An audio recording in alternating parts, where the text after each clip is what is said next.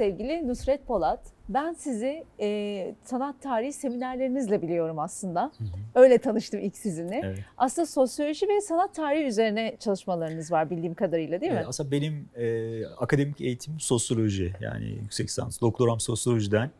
Fakat ben doktora yaparken e, sanat dergilerinde editörlük yaptım bir şekilde yani onlara girmeyelim.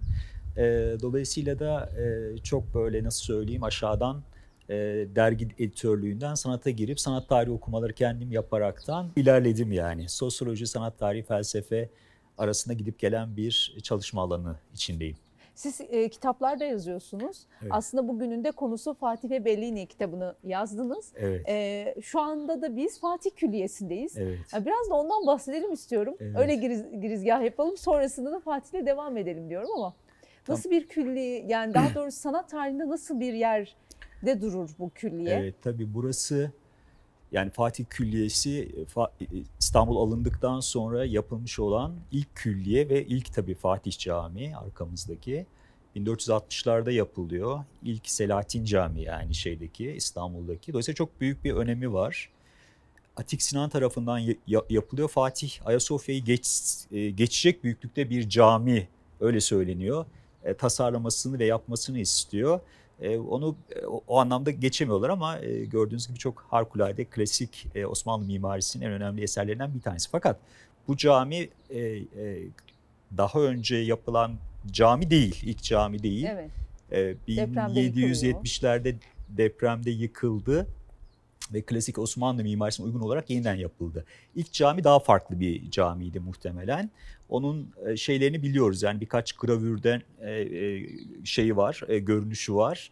Sadece orada kalmış olan bir şey cami yani resimlerde kalmış olan bir cami. Ama dediğim gibi ilk yapılan cami dolayısıyla da önemi çok büyük. Birkaç küçük kalıntı var o ilk camiden ama bu haliyle de çok yani klasik mimarinin çok güzel bir örneği tabii ki. Sağda ve solda Sahn Seman medreseleri var biliyorsunuz. O medresenin arkasında da Tetinme medreseleri vardı. Daha böyle orta düzeyde medreselerdi onlar. Yani buradaki San Seman medreselerindeki öğrenciler e, orada hazırlanıp buraya geliyorlardı. Bazıları yani lise ve üniversite gibi söylüyor ama tabii o çok ona denk gelmiyor. O medreseler çok önemli tabii ki. Yani burası bir külliye. içinde medrese, cami var merkezde biliyorsunuz klasik e, Osmanlı e, külliyesinde cami merkezdedir. Yani kenarlarında medreseler vardır. Ee, işte bir Darüşşifa vardır. Ondan sonra bir işte e, tabane vardır, imaret vardır. Tam bir külliye yani böyle bir yapı kompleksi yani. içinde hastanesinden aşevine yoksulların doyurulduğunu camisinden üniversitesine tırnak içerisinde medresesine e, böyle bir yapı yani. Ee, sizin de kitapta bir yer verdiğiniz Fatih evet. Sultan Mehmet'in o çok fetihler üzerinden okuduğumuz bir tarih var. O da çok kıymetli elbette onu da asla şey yapmıyoruz ama entelektüel tarafı, sanata olan e, ilgisi ve tabii ki sizin de e, kitabı adını veren Bellini olan ilişkisi aslında. E, ona değineceğiz bugün. E, ben de tabii ki bu kitapta nasıl bir e, fa, e, entelektüel entelektüel bir Fatih portresi sunduğunuzdan öncelikle bahsedelim diyorum. Yani şimdi bu e, medrese üzerinden gittik. Tabii e, doğu ve batı arasında bir yerdeyiz coğrafi konum olarak. Fatih'de ben baktığım zaman yani benim okumalarım, araştırmalarım Fatih Sultan Mehmet'in elbette ki tabii ki İslami gelenekten gelen e, bir kurumsal yapı içerisinde bir figür hiç şüphesiz. E, fakat tabii batıya gidiliyor. E, Batı ile karşılaşma var ve Batı'ya Batı'da olan gelişmeler, Batı sanatı, Batı kültürü de Fatih'in ilgisini çekmiş gibi görünüyor. Açık fikirli bir Sultan Fatih Sultan Mehmet. Yani benim kanaatim bütün Osmanlı tarihi içerisindeki e, en enteresan kişilik Fatih Sultan Mehmet. Yani hani böyle bir sıralama yaparsak onu en başa koyabiliriz. E bunun sebebi de onun yani ben tabii kendi bakış açımdan söylüyorum. Onun kültürel açıklığı, farklı kültürlere olan açıklığı, sadece dinle ilgili olmaması aynı zamanda felsefeyle de ilgili olması yani böyle bir klasik bizim kafamızdaki bir şablonu o anlamda oturmuyor. Bu doğudan batıdan fark etmez. Bence burada iki tane figür var mesela bir örnek verebiliriz. Bir tanesi Ali Kuşçu. Evet. O işte bu bulunduğumuz medreseye geldi ve İstanbul'da da hayatını kaybetti biliyorsun. Son 1-2 yılı burada geçiyor ve buradaki üniversite medresenin e, müfredatının hazırlanmasında e, onun bir etkisi var ve orada e, nakli bilimlerin yanında yani hadis gibi, tefsir gibi bilimler yanında aynı zamanda akli bilimlerin yani astronomi gibi, tıp gibi bilimlerin bu üniversitede okutulduğunu e, görüyoruz. Yani bu medresede okut, okutulduğunu görüyoruz. Daha öncesinde böyle bir gelenek yok. Nizamiye medreseleri var. Dolayısıyla da e, bu mesela çok önemli bir veri. Yani bilimin, bilimsel bilginin bu medresede de okutulduğu bir durum söz konusu. İkincisi Fatih'in kendi etrafında bir tabii ki e, mevcut yapı içerisinde devşirme e, Rumlardan, İtalyanlardan oluşan devşirme bir entelektüel grup var. Bunların içerisinde en önemlisi Amuritsis diye, Yorgis Amuritsis diye dönemin e, Bizanslı, Bizans'tan işte Osmanlı'ya intikal etmiş, oğlu Müslüman olmuş, kendisi Müslüman oldu mu olmadı mı tartışılıyor. Onun e, Fatih'in etrafında olduğunu görüyoruz. Bu e, Mahmut Paşa'nın şeyi, akrabası aynı zamanda Fatih'in meşhur Bildiğimiz Vezir Mah- Mahmut Paşa. Tabii tabii. Vezir Azam Mahmut Paşa e, o Angeloviç, o e, Bizans Sırp soylusudur. Müslüman olmuştur. Fatih Sultan Mehmet'in e, yani en önemli şeyiydi yani. Bir numaralı adamıydı öyle söyleyeyim. Uzunca bir süre. Onun akrabası Amuritsiz dönemin büyük filozofu. 15. yüzyıldayız. Yani Rönesans Avrupa'sını etkileyecek olan Bizanslı e, filozoflar var. O geleneğin, geleneğin içinde olan birisi. Şimdi yanında Amuritsiz gibi bir filozof var. Ali Kuşçu gibi bir bilim adamı, en büyük astronom var dönemin. Dolayısıyla da bu iki figür doğu batı hani bu terimlerle konuşacaksak ikisini birlikte harmanlamış bir kişilik ve bunun yanında tabii ki İtalya'dan gelen e, Bellini, Gentile Bellini gibi bir karakter var. Bunun üçüncüsü çünkü o bilim adamı değil sanatçı. Üçüncü bir figür olarak koyacak olursak o da dönemin Venedik'in bir numaralı ressamı. Şimdi bunlar şöyle düşünün yani bugünün dünyasında kafanıza en büyük sanatçı, en büyük bilim adamı kimse onlar gibi düşün. Anlatabiliyor muyum? Biraz hani evet. hani böyle magazinel bir şekilde evet. söyleyecek olursam. Dolayısıyla çok önemli yani. Bu medresenin şöyle bir önemi var. Daha Nizamiye medreseleri geleneğinden ayrılıyorlar. Orada daha çok yani şey yok yani işte o Gazali'nin etkisi falan. Dolayısıyla da, da akli bilimlere çok akli bilimler yok. Yani daha çok dini bilimler okutuluyor. Bu şey e, burada Fatih Medresesi'nde e, bu gelenek değiştiriliyor. Evet o anlamda önemli bir yeri var. Evet. Şimdi siz tam da Doğu Batı ile ilişkilendirince konuyu benim de aklıma şey geldi. Hani e, tabir olarak batıcı diyeceğim. Batıcı tırnak bir içinde e, tırnak istersen. içinde evet. evet tırnak içinde batıcı mı yoksa İslam e, sultanı olan Fatih mi siz burada anlatmış oluyorsunuz aslında. Yani ne o ne o mu yoksa Ya ben ben yani tabii ki Fatih Sultan Mehmet e, tabii ki İslam sultanı yani. Batıcılık yani o tırnak içerisinde bu bir dönem şey yapılmış, söylenmiş. Elbette ki işte Amuritsiz yanında olduğu zaman İtalyan tarihçiler yanında olduğu zaman işte Benedetto Dei diye bir adam var yanında tarih okumaları yapıyor. Ondan sonra Gentile Bellini geldiği zaman, Constanzo diye bir başka ressam geldiği zaman, onun yanında bulunduğu zaman bu Batılılar etrafında ama yani batıcı terimi doğru bir doğru bir terim değil. Batıya e, açık yani burada Batı Doğu şeyinden çok yani ben nasıl dünyaya açık diyebilir miyiz? Ben, evet yani ben nasıl e, benim işime yarayacak olan bilgiyi elde edebilirim diye bakan, o anlamda tırnak içinde söylüyorum, pragmatist birisi aynı zamanda hmm. Fatih Sultan Mehmet. Öyle ön yargıları olan birisi değil. Mesafe koyan bizim, değil belki. Efendim? Mesafe koyan değil belki. E, şöyle değil yani şunu düşünmüyor yani bu batıdan geliyor dolayısıyla da işte Müslüman olmayan bir kültürden geliyor buna kapa çünkü bir dönem biz kapanıyoruz aslında biliyorsunuz yani hı mesela matbaanın gelememesi Değil mi? Aslında matbaa geliyor. Matbaayı Yahudiler getiriyorlar İstanbul'a. Kitaplar da basıyorlar İstanbul'da. İzin veriliyor. Ama e, yani İslami kitapların tırnak içerisinde yazılması, şey basılması ta Lale devrini buluyor. Bu çünkü batıdan gelen, yani bize ait olmayan, e, işte Darül Harp sınırları içerisinden geldiği için kabul edilemez. Çünkü İslami değil. Böyle bir sıkışmışlık oluyor. Ama Fatih daha önceki dönem ee, böyle bir şey yok yani Fatih'in. Bu açık şey var, açıklık var onda. Ee, peki yine Batı'nın gözüyle siz de kitapta yer veriyorsunuz bu ifadeye. Rönesans prensi. Ben onu söylemiyorum ama. O, yok yok siz söylemiyorsunuz. Evet, o ifadeyi evet. kullanan birinin Kullan, ifadesine yer veriyorsunuz. var evet. Siz ne düşünüyorsunuz diye soracağım zaten. Evet. Ee, yani Rönesans prensi değil tabii ki yani bir kere prens terimi bile yani uymuyor. Bir padişah, bir sultan var karşımızda.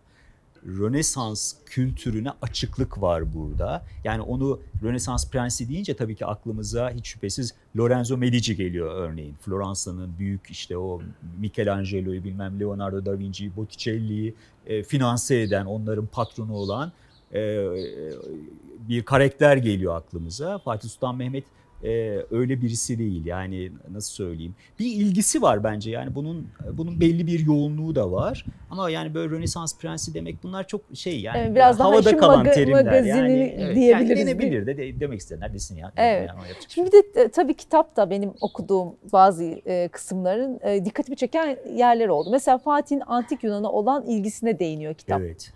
E, şimdi takip ettiği sanatçılara bakarsa en çok hangi kültür ya da hangi sanattan etkileniyor aslında? Ee, yani şöyle e, Şimdi antik Yunan'a ilgisi antik Yunan felsefesine olan, felsefeye olan bir ilgi var. Ee, bu e, Kırtıbolos tarihinde de geçer. Amuritsis'ten orada bahsedilir. Ee, antik Yunan felsefesinin özellikle Aristoculuğa ve Stoacılığa ilgili olduğu ve bunu e, Amuritses'ten, Amuritses'ten dinlediği şeklinde e, söylenir. E, fakat tabii ki diğer taraftan e, bir İslam kültüründen de gelen bir felsefi gelenek var. Oradan da Aristo geliyor, oradan da Stoacılık geliyor. ama yani bir Hristiyan filozoftan bunları dinlemesi, ilgi göstermesi onun yani o İslami sınırların dışına çıktığını gösterir. Dışına çıktığını derken yani ondan e, koptuğu anlamında söylemiyorum. Genişlettiğini gösterir bu durum bize.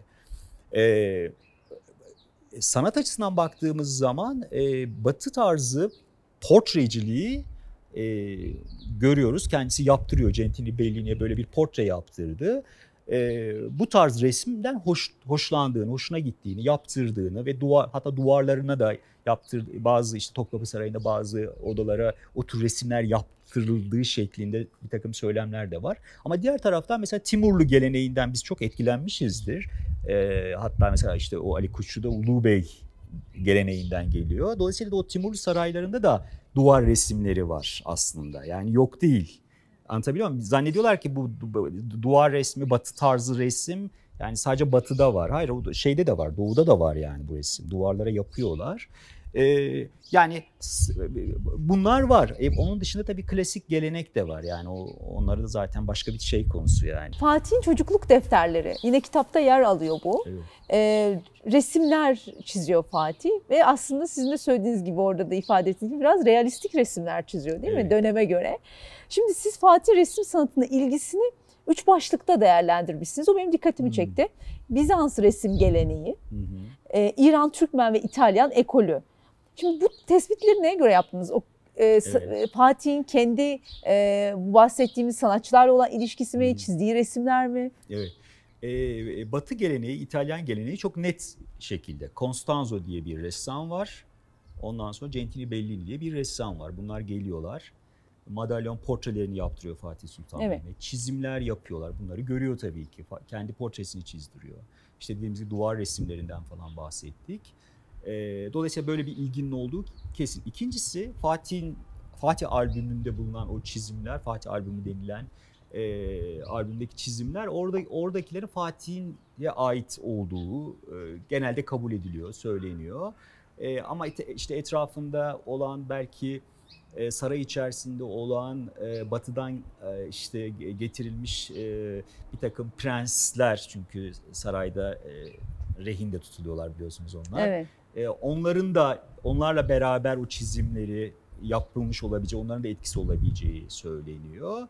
E, o şeye baktığımız zaman, o defterlere baktığımız zaman yani orada işte Tuğra çiziminden işte insan başlarını evet, biliyorsun portre, suret evet. suret yasağı diye bir tırnak içinde söyleyelim bir durum var aslında baktığımız evet. zaman. Yani bizde minyatür var biliyorsunuz. İnsan kamuya açık, e, evlerde sergilenen böyle bir geleneğimiz bizim yok. Evet. Daha sonra 18. yüzyılın ikinci yarısından sonra ortaya çıkıyor duvar resimleri, padişah portreleri ve göz kamu alanlarına girmesi falan. Dolayısıyla Fatih devrinde sarayın içerisinde ama sarayın içerisinde bu, bu tür e, batı tarzı işte suret çiziminin de içinde olduğu resme karşı böyle bir karşıtlık söz konusu değil. Zaten resmin e, suret yasan olup olmadığı da tartışma konusu. Büyük tartışma konusu. İlk 100 yıl yok mesela. O 100 Hı. yıldan sonra ortaya çıktığı söyleniyor. Dolayısıyla da yani o da çok tartışmalı bir mesele. E, Fatih devrinde bu tür bir durumun olduğu net bir şekilde ortaya çıkıyor. Portreler var, çizimler var.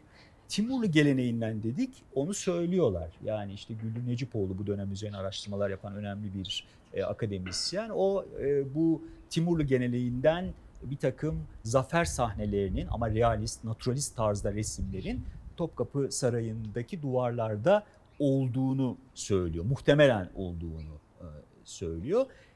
E, Dolayısıyla bunlar realite yani. Hı hı. Şeye gelecek olsa Bizans şeyini ben orada biraz spekülasyon yaparak bununla ilgili çok fazla elimizde bilgi yok. Benim oradaki temel meselem şuydu aslında. Yani Bizans'ın kültürel etkileri e, Türkiye'de ne yazık ki yok sayılıyor. Bu doğru bir şey değil. Çünkü bu O dönem gerçekle, zaten Fatih de- hakikat, hakikatle uyuşmuyor çünkü O, yani. o zaman zannediyorum Fatih de zaten şey yapmıyor değil mi? Buna itiraz etmiyor yani buna bir karşı koyuş, bunu bir şey yapı Hayır, durumu yok. e, Yok zaten e, Rum cemaati patrikhane devam ediyor. E, işte aslında bu mesela bu burada Havaryum Kilisesi vardı bu caminin olunduğu olduğu yerde. Patriklik olarak burayı vermişti. Fakat büyüktü o şey.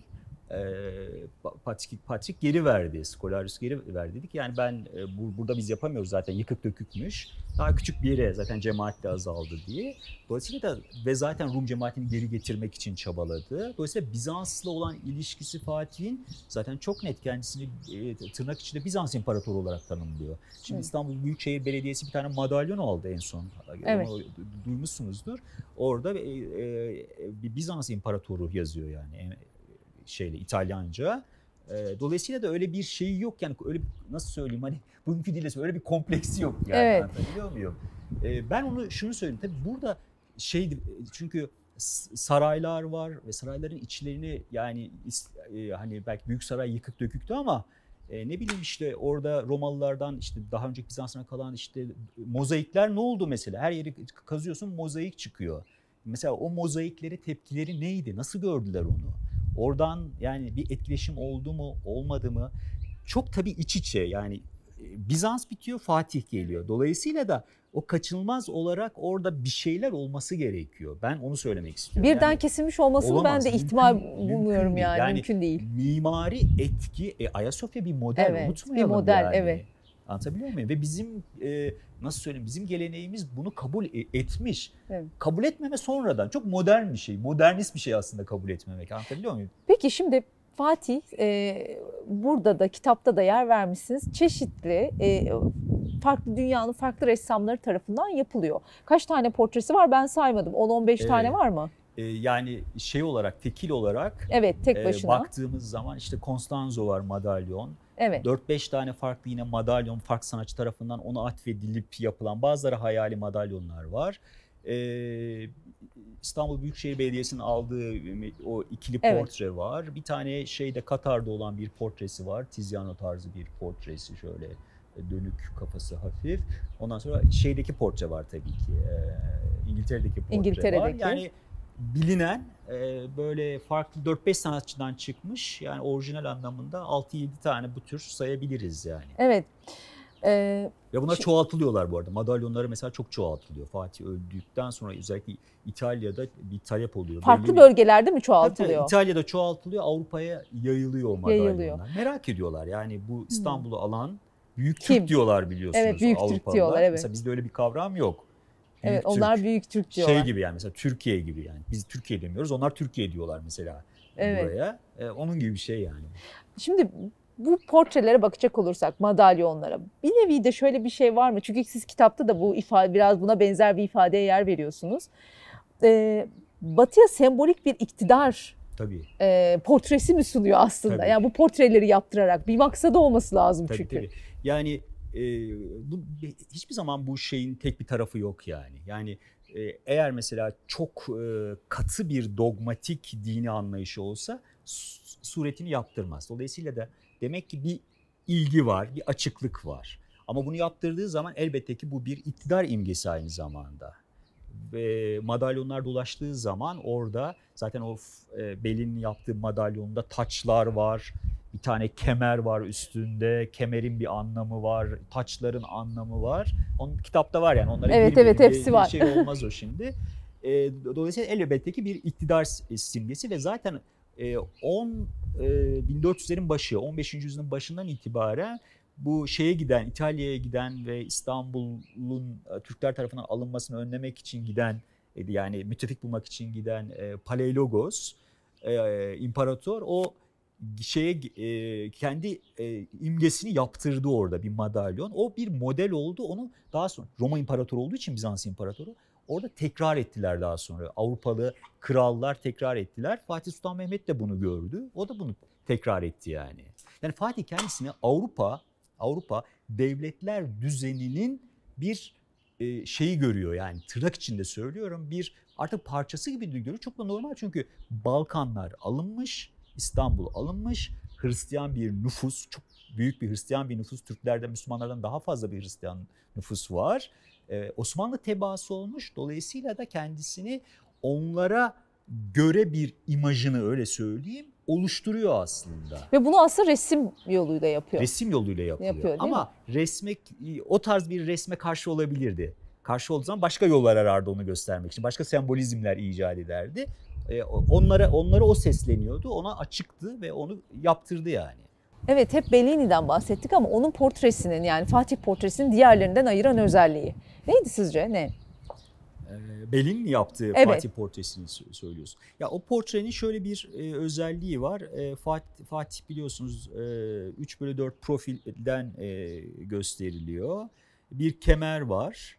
E, kemer e, kemer bir sembolik bir e, kemer oradaki e, gücü temsil ediyor. Yani bir kemer, kapı çünkü bu şeyden geliyor aslında. E, Batı geleneğinde ta Roma'dan geliyor. Romalı e, şeyler, e, imparatorlar büyük zaferler elde ettikleri zaman e, diyelim mesela İstanbul'a girdiği zaman o zaman adıyla Konstantinopolis'e girdiği zaman diyelim altın kapıdan giriyorlar bu yedi kuledeki o bir evet. kemer. Bakın burada da kemerler ha, evet, var. Kemerler kemer var. çok önemli. Yani eşik kemer.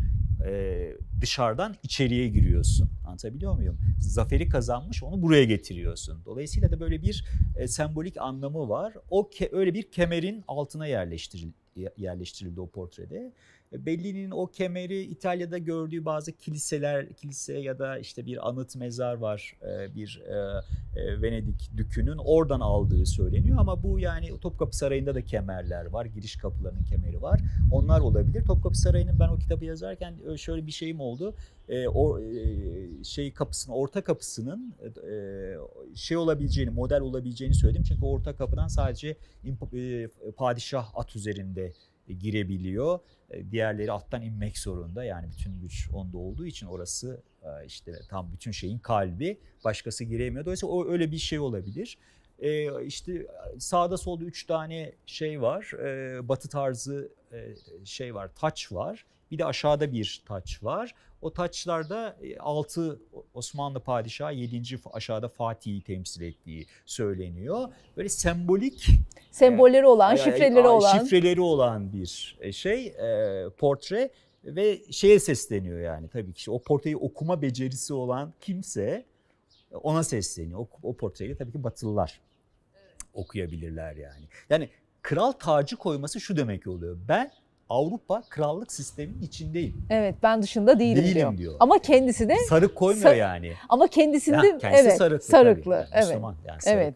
Ama ulema sarığı bu arada. Evet. Taktığı sarık. Şimdi yani çünkü kendisini alim olarak görüyor. Ulemanın içinde görüyor Fatih. Fatih 4-5 dil biliyor biliyorsunuz. Evet, evet. İki tanesinde çok e, şey, kuvve Arapça, Farsça, Rumcası hiç fena değil e, felsefe, kültür, sanat dedik. Yani entelektüel bir kişiliği var Fatih'in. Bir de tabii e, bunu bunu bunu hatırlatmadan daha doğrusu geçirmeden olmaz diyeceğim. E, geçtiğimiz yıllarda Fatih'in portresi getirildi. Siz de az önce söylediğiniz evet, alındı. Evet. Biraz spekülatif bir durum var ama orada ben yine de burada evet, size evet. onu anlattırmak istiyorum. Siz e, kitapta da geçiyor. Evet. E, aslında Bellini'ye ait olmadığını söylüyorsunuz. Evet, zaten Bellini zaten, değil değil. Zaten değil belediye mi? de bu Bellini'ye aittir birileri dedi ama yani Bellini'ye ait olmadı. Sonra öyle olmadı. San, sanat tarihçileri evet, de öyle yani dediler değil mi? Bunlar biliyorsunuz spekülasyon yapmayı insanlar seviyorlar ya bizim ülkemizde böyle bir durum var. E, Belli'nin atölyesinden çıktı şeklinde Sotheby's'in şeyinde de var zaten sitesinde de var. Belli'nin atölyesinden çıkma bir. Belli'nin atölyesinden çıkma ne demek biliyor musunuz? Cem Öğrencilerinin yaptığı Bir öğrencisinin hmm. yapmış olma ihtimali var demek oluyor. E, atölyeden olduğu için ona nezaret ettiği için atölye sistemi öyledir Rönesans'ta. Yani sanatçı gidip dokunmuş da olabilir. Bak burayı böyle değil de böyle yap da demiş olabilir. Anlatabiliyor muyum? Ama benim şeyim şu oldu. Yani kimseye de haksızlık etmek istemem. E, çok değerli bir tablo tabii ki onun İstanbul'a alınması yani. Bence çok önemli. E, yani bu siyasi şeyler biraz durulursa onlar daha açığa çıkar. O anlatabiliyor muyum? E, önemli tabii ki ama yani o, o, o resim tabii Rönesans o kadar olağanüstü resimler var ki ve Bellini o kadar iyi bir ressam ki yani o hissi bana vermiyor anlatabiliyor muyum? Yani o yapmış gibi gelmiyor size. Zaten onun yapmadığını biliyoruz da yani o atölyeden çıktı mı çıkmadı mı o da şüpheli yani anlatabiliyor muyum? Ama oradaki portre Fatih portresi çok net bir biçimde Bellini tarzı bir portre. Ya atölyeden çıktı ya da onu birisi taklit etti. Dışarıdan bir takipçi de olabilir yani illa oradan olması gerekmiyor. E, böyle bir portre biraz muamma yani o Muamma şeyi. ama zaten Ama sanat 1480'lerde yapıldığını, o dönemde yapıldığını, bir Rönesans tarzı, İtalyan tarzı profilden o kadar çok resim var ki öyle ikili portre e, o dönem İtalya'sında yapılan onlardan bir tanesi yani. Evet şimdi e, bir de kitapta o da çok güzel bir bölüm. Fatih'in albümü diye bir bölüm var. Evet. Ona yer veriyorsunuz. Orada hasta eserleri, minyatürler, kağıt oymalar e, ve resimler var o albümün içerisinde. Hatta Mehmet Siyah Kalemi anıyorsunuz orada ve Ahmet evet. Musa'nın isimleri de var yani onlar evet, da geçiyor. O Fatih albümünün içinde olan şeyler bunlar. Evet evet az önce saydıklarım aslında. Evet. Ee, şimdi albüm üzerinden Fatih'in albümün üzerinden bir entelektüel okuma yapacak olursak. Evet çok güzel. Evet. Nasıl evet. bir okuma yaparız? Siz söylediğiniz aslında işte minyatür var, hat var Evet dediniz. değil mi? Daha çeşitli. Batı tarzı naturalist resim var dediniz. Evet. Ondan sonra işte tuğrası var. Dolayısıyla da e, hatta galiba yanlış hatırlamıyorsam Yunanca harfler falan da var evet, yani evet. sadece şey değil yani Arapça harfler değil Yunanca harfler de var galiba. E, e, dolayısıyla zaten kendisini belli ediyor. Yani nasıl bir dünyanın içinde olduğunu görebiliyorsunuz. Yani çıktılar oradaki çıktılar onun içindekileri gösteriyor aslında. Yani işte e, doğusu, batısı, e, naturalist resmi minyatürü ondan sonra işte Arapçası, Rumcası, e bir de unutmamak lazım yani Osmanlı imparatorları devşirme annelerin tırnak içerisinde evet. çocukları yani. Evet. E, yani o, o da zaten o kültürün geçmiyor olması mümkün, mümkün değil. değil yani. Evet. En güzel tarafı belki Fatih'te de gördüğümüz gibi biz onu bir portre olarak görüyoruz ama o her şeyin birleşimi aslında bugün baktığımızda değil mi? Hani ben resim artık Fatih'in portresine bakınca şöyle bir padişah göreceğim. Yani evet e, kendi kültürüne kendi kültürüne ve değerlerine belki sahip çıkan sanatına ama dünya sanatlarına da ve kültürlerine de açık, dillerine açık, çok dilli, çok kültürlü bir padişah görüyorum. Yani e, evet biz onun e, hep böyle bir e, e fetheden bir zekaya sahip olduğunu bunu inkar etmiyoruz elbette evet. ki ama e, belki de Tabii. bu sebeple öyle biri. Yani Tabii Fatih e, yani İstanbul'u almak büyük bir şey tabii yani çok önemli bir şey yani. Çok onu, önemli tabii onu, ki. Onu, o kaçınılmaz bir şey. Yani İstanbul'un alınması yani sadece Müslümanlar istemiyor ki yani yukarı Bulgarlar da gelmiş, Ruslar da almak istemiş, Venedikler gelmiş almışlar hatta bir dönem tutunamamış gitmişler. Roma İmparatorluğu'nun e, baş şehri burası. Buraya yeni Roma diyorlar biliyorsunuz. Dolayısıyla da e, o askeri şey, strateji, deha e, o elbette ki önemli bir şey. Kimsenin ona bir şey dediği yok zaten. E, biz, e, benim söylemek istediğim bugünün dünyasında biz geriye dönüp tarihi okuduğumuz zaman bunu çok böyle savaşlar, fetihler üzerinden e, artık yapmaktan çıkmamız lazım. Benim asıl söylemek istediğim şey belki de bu. Ya san, e, belki de tarihi e, bu tarz aslında sosyal tarih üzerinden. Sosyal tarih ve bizim açımızdan kültür tarihi. Kültür tarihi kültür üzerinden. üzerinden okumak, bunu ön plana çıkarmak e, bugünün dünyasında çok daha e, açıkçası değerli. Yani ben onu söylüyorum birkaç yerde de söyledim.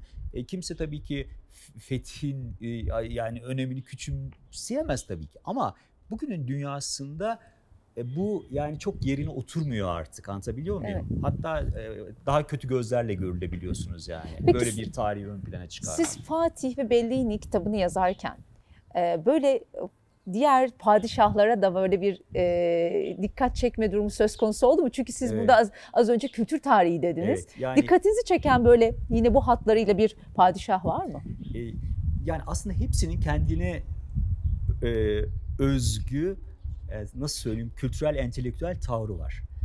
E, Siz eğer Osmanlı İmparatorluğu'nun e, padişahı sultansanız Osmanlı İmparatorluğu gibi büyük bir yapı içerisinde e, bir kere tabii ki işte e, iyi bir eğitim alıyorsunuz. Ondan sonra yani birinci sınıf bir eğitim alıyorsunuz. İşte size Farsça öğretiyorlar, Arapça öğretiyorlar. Birden Çok bir üç dilli falan oluyorsunuz. Evet. Anlatabiliyor muyum yani? Çok kolay işler değil aslında yani üç dilli olmak. Bir de Arapça, Farsça falan yani. Ee, ondan sonra ve Batı etkisi olduğu için ona da açıksınız. Fatih örneği öyle. Yani hepsinin şeyi var ama ben tabii e, şöyle yani ben- benim kendi açımdan bakacak olursak ben daha kültür tarihi ve daha entelektüel tarih açısından ve bu beni heyecanlandırdığı için e, örneğin işte e, matbaanın geldiği dönem benim için çok değerli bir dönem. Yani e, Lale Devri 3. Ahmet dönemi benim için çok değerli bir dönem. İkinci Mahmut büyük bir reformcu padişahtır ve bizi hakikaten tabii bir Lale Devri'nden gelen bir e, modernleşme süreci var az da olsa yavaş yavaş ilerleyen. Ondan sonra gelen Abdülmecit, ondan sonra e, Abdülaziz, Abdülhamit, bütün o lise kurumlarının kurulması, e, e, Abdülmecit Efendi en son onun ressamlığı var biliyorsunuz. Dolayısıyla da e, nasıl söyleyeyim daha bu çerçeveden bakarsak bu tarihe ve bu tarihi Osmanlı Cumhuriyet ayrımı yapmadan benimsersek hep beraber o zaman e, valla çok politik bir şey söylemeyeyim ama işler daha iyi de yoluna oturur anlatabiliyor muyum? Yani kültür bizi birleştirebilir. Onu ya da ba- istiyorum. bazen şöyle olabilir değil mi? Bir e, padişah hani dediğiniz gibi savaşlar üzerinden bir tarih okumadığınızda, kültürler üzerinden, kültür tarihi üzerinden bir e, tarih okuması yaptığınızda daha doğrusu e, orada daha e, kişilerin aslında ki karakteristik Tabii, özellikleri de ön plana çıkacağı için bizim onunla e, temas etmemiz daha kolay oluyor bence. Yani onu bir yere Tabii. taşıyıp yukarıda tutmak değil de o bizim gibi yani bizim öncümüz olabilecek bir entelektüel aslında bir tarafıyla da diyebiliyoruz. Bugün Fatih'te diyebildiğimiz gibi. Yani e, evet o Fatih Sultan Mehmet'tir bunu asla inkar etmiyoruz. Başında da söyledik ama entelektüel e, ve sanatlara ilgisi olan e, belki de e, yeryüzünün tırnak içinde imparatoru olarak geçmiş zamanda. Evet. Bugün de öyle anabiliriz değil Tabii mi? port- portrede öyle yazıyor. Evet, Tabii. yeryüzünün imparatoru yazıyor Evet. değil mi? Ee, ben çok teşekkür ederim. Yani özellikle böyle bir kitap çıkardığınız için öncelikle. Ee, tabii benim bu zamana denk getirmemin bir nedeni var. Çünkü Fatih Sultan Mehmet her ne kadar biz bunu Mart ayında yayınlamayacak olsak da 30 Mart e, doğumlu. Ee, biraz fetih öncesi olmasına da dikkat ettim. Normalde biz sizinle çok daha öncesinde bu konuyu konuşacaktık Evet. ama buna denk getirmek çok daha güzel olacak ve anlamlı olacak diye düşünüyordum. Çok teşekkür ederim. Ben de çok Programa teşekkür konuk olduğunuz ediyorum için. ve beni davet ettiğiniz için programınıza Kübra Hanım. Çok sağ olun.